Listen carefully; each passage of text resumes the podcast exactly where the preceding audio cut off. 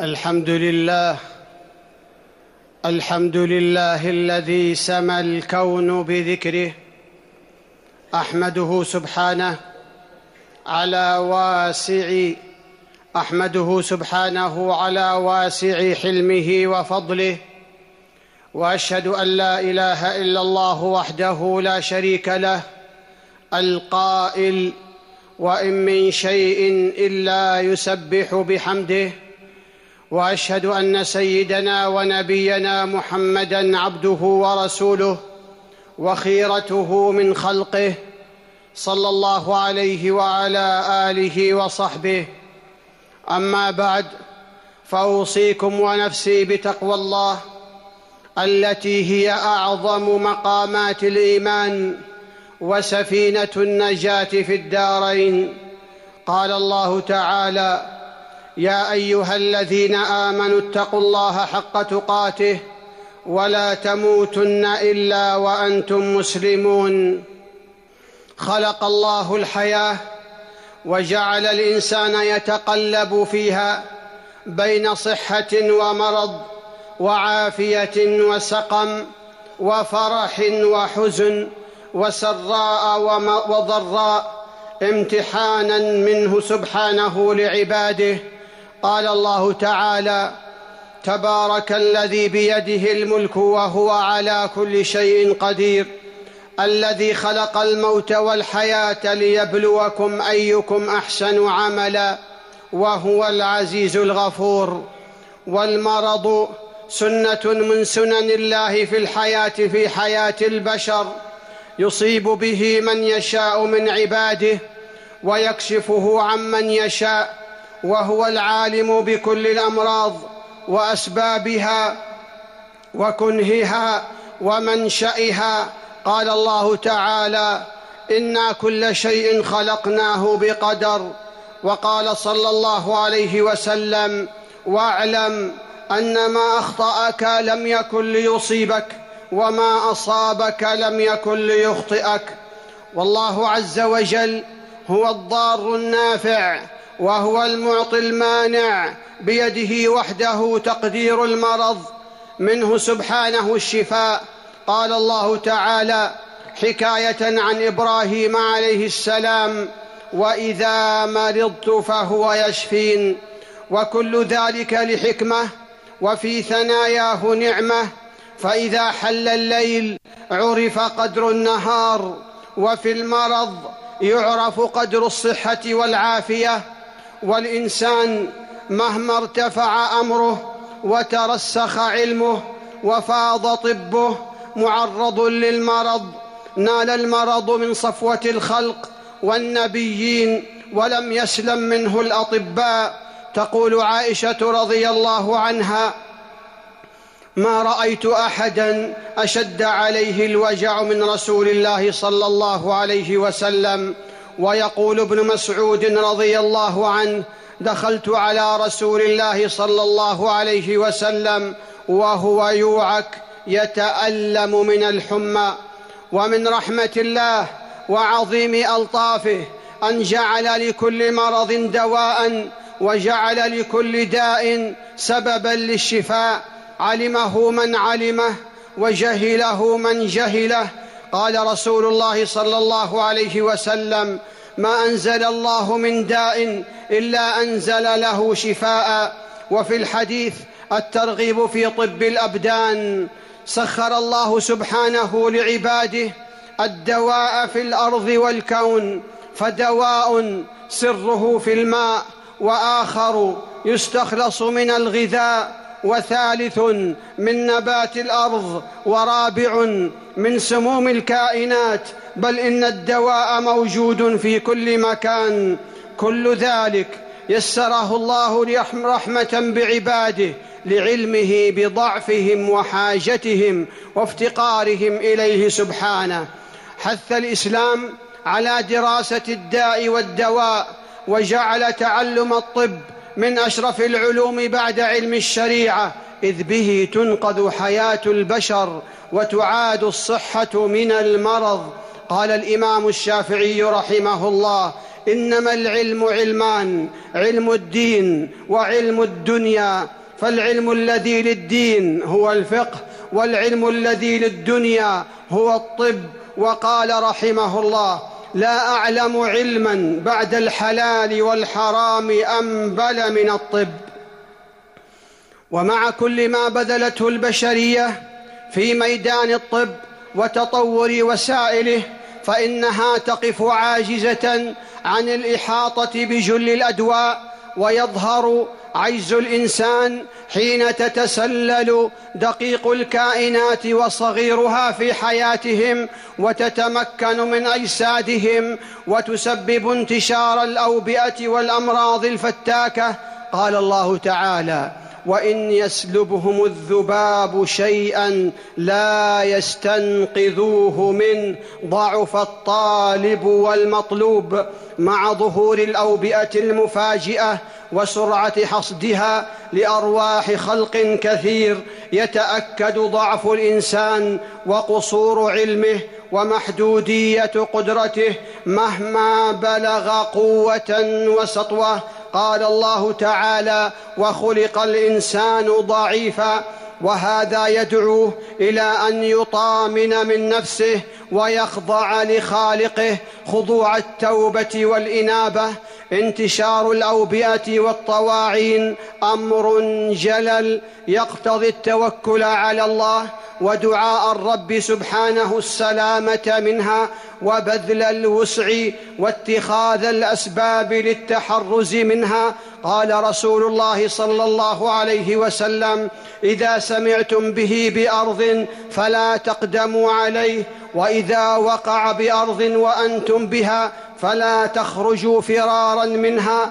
عند انتشار الاوبئه يؤمن المسلم بقضاء الله وقدره ويحسن ظنه بربه ويتأدب مع خالقه فلا يتبرم ولا يسخط بل يتجمل بالصبر ويبصر في المرض منحا ربانية وفضلا عظيما. دخل رسول الله صلى الله عليه وسلم على أم السائب أو أم المسيب فقال ما لك يا أم السائب أو يا أم المسيب تزفزفين؟ قالت الحمى لا بارك الله فيها. فقال لا تسب الحمى. فإنها تذهب خطايا بني آدم كما يذهب الكير خبث الحديد. وقال صلى الله عليه وسلم ما يصيب المسلم من نصب ولا وصب ولا هم ولا حزن ولا أذى ولا غم حتى الشوكة يشاكها إلا كفر الله بها من خطاياه. وقال صلى الله عليه وسلم لا يزال البلاء بالمؤمن أو المؤمنة في نفسه وماله وولده حتى يلقى الله وما عليه من خطيئة. المرض سبب للجوء العبد إلى ربه. قال تعالى فأخذناهم بالبأساء والضراء لعلهم يتضرعون. وكم من مرض فجر ينابيع الخير في قلب صاحبه وأطلق لسانه ذكرا وحمدا وتسبيحا. المرض يطهر العبد من مشاعر الكبر والتفاخر ويولد في النفس انكسارا ويملأها تواضعا وذلا للخالق ولولا محن الدنيا ومصائبها لاصاب العبد من أدواء الكبر والعجب وقسوة القلب ما هو سبب هلاكه ومصيبة تقبل مصيبه تقبل بها على الله. خير لك من نعمة تنسيك ذكر الله. والمسلم حين يبصر الآفات والأوبئة تحل بغيره أفرادا ومجتمعات فإنه يسأل الله تعالى السلامة مما ابتلاهم به ويحمده على العافية. وفي الحديث من رأى مبتلا فقال الحمد لله الذي عافاني مما ابتلاك به وفضلني على كثير ممن خلق تفضيلا. لم يصبه ذلك البلاء. وقال صلى الله عليه وسلم سلوا الله العفو والعافية واليقين في الآخرة والأولى. بارك الله لي ولكم في القرآن العظيم. أقول قولي هذا وأستغفر الله واستغفروه إنه هو الغفور الرحيم. الحمد لله تفرد بالجلال والجمال والكمال أحمده سبحانه وأشكره في الحال والمآل وأشهد أن لا إله إلا الله وحده لا شريك له الكبير المتعال. وأشهد أن سيدنا ونبينا محمدا عبده ورسوله حباه الله كريم الخصال. صلى الله عليه وعلى آله وصحبه. صلاة ننال ثوابها في يوم لا بيع فيه ولا خلال. أما بعد فأوصيكم ونفسي بتقوى الله. ومع تأمل التقلب في أحوال البشرية والمنغصات الدنيوية يتذكر المسلم النعيم المقيم ثواب الجنة التي لا مرض فيها ولا هم ولا بلاء. قال صلى الله عليه وسلم ينادي مناد إن لكم أن تصحوا فلا تسقموا أبدا وإن لكم أن تحيوا فلا تموتوا أبدا وإن لكم أن تشبوا فلا تهرموا أبدا وإن لكم أن تنعموا فلا تبأسوا أبدا فذلك قوله عز وجل ونودوا أن تلكم الجنة أورثتموها بما كنتم تعملون ألا وصلوا عباد الله على رسول الهدى فقد أمركم الله بذلك في كتابه فقال إن الله وملائكته يصلون على النبي يا أيها الذين آمنوا صلوا عليه وسلموا تسليما اللهم صل على محمد وأزواجه وذريته كما صليت على إبراهيم وعلى آل إبراهيم إنك حميد مجيد وبارك على محمد وأزواجه وذريته كما باركت على إبراهيم وعلى آل إبراهيم إنك حميد مجيد وارض اللهم عن خلفاء الأربعة الراشدين أبي بكر وعمر وعثمان وعلي وعن الآل والصحب الكرام وعنا معهم بعفوك وكرمك وإحسانك يا أرحم الراحمين اللهم أعز الإسلام والمسلمين. اللهم أعز الإسلام والمسلمين. اللهم أعز الإسلام والمسلمين. وأذل الكفر والكافرين. ودمر اللهم أعداءك أعداء الدين. واجعل اللهم هذا البلد آمنا مطمئنا وسائر بلاد المسلمين. اللهم من أرادنا وأراد بلادنا وأراد الإسلام والمسلمين بسوء فأشغله بنفسه. واجعل تدبيره تدميره يا سميع الدعاء. اللهم إنا نسألك الجنة وما قرب إليها من قول وعمل. ونعوذ بك من النار وما قرب إليها من قول وعمل. اللهم إنا نسألك من الخير كله عاجله وآجله ما علمنا منه وما لم نعلم. ونعوذ بك من الشر كله عاجله وآجله ما علمنا منه وما لم نعلم. اللهم أصلح لنا ديننا الذي هو عصمة أمرنا وأصلح لنا دنيانا التي فيها معاشنا وأصلح لنا آخرتنا التي إليها معادنا واجعل الحياة زيادة لنا في كل خير والموت راحة لنا من كل شر يا رب العالمين.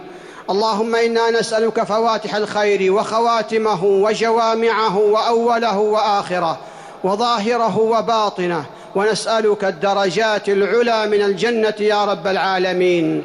اللهم أعنا ولا تعن علينا. وانصرنا ولا تنصر علينا وامكر لنا ولا تمكر علينا واهدنا ويسر الهدى لنا وانصرنا على من بغى علينا.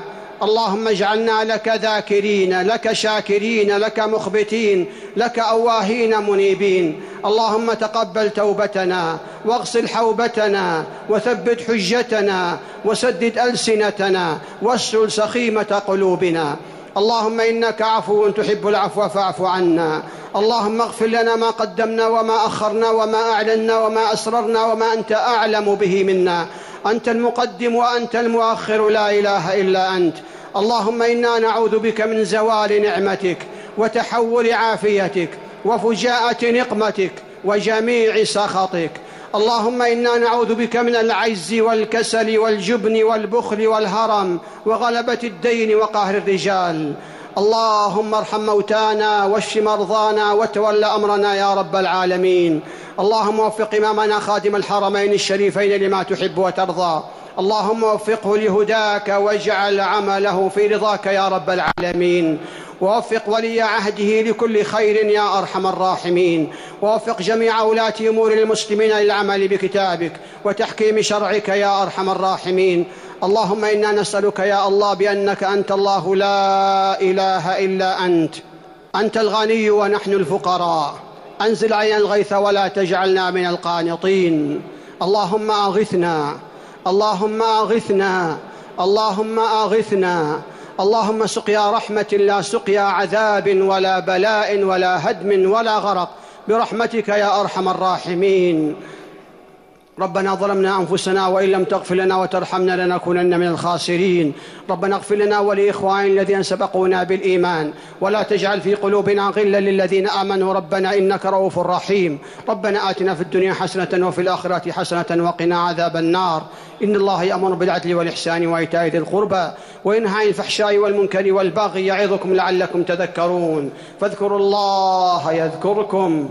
واشكروه على نعمه يزدكم ولذكر الله أكبر والله يعلم ما تصنعون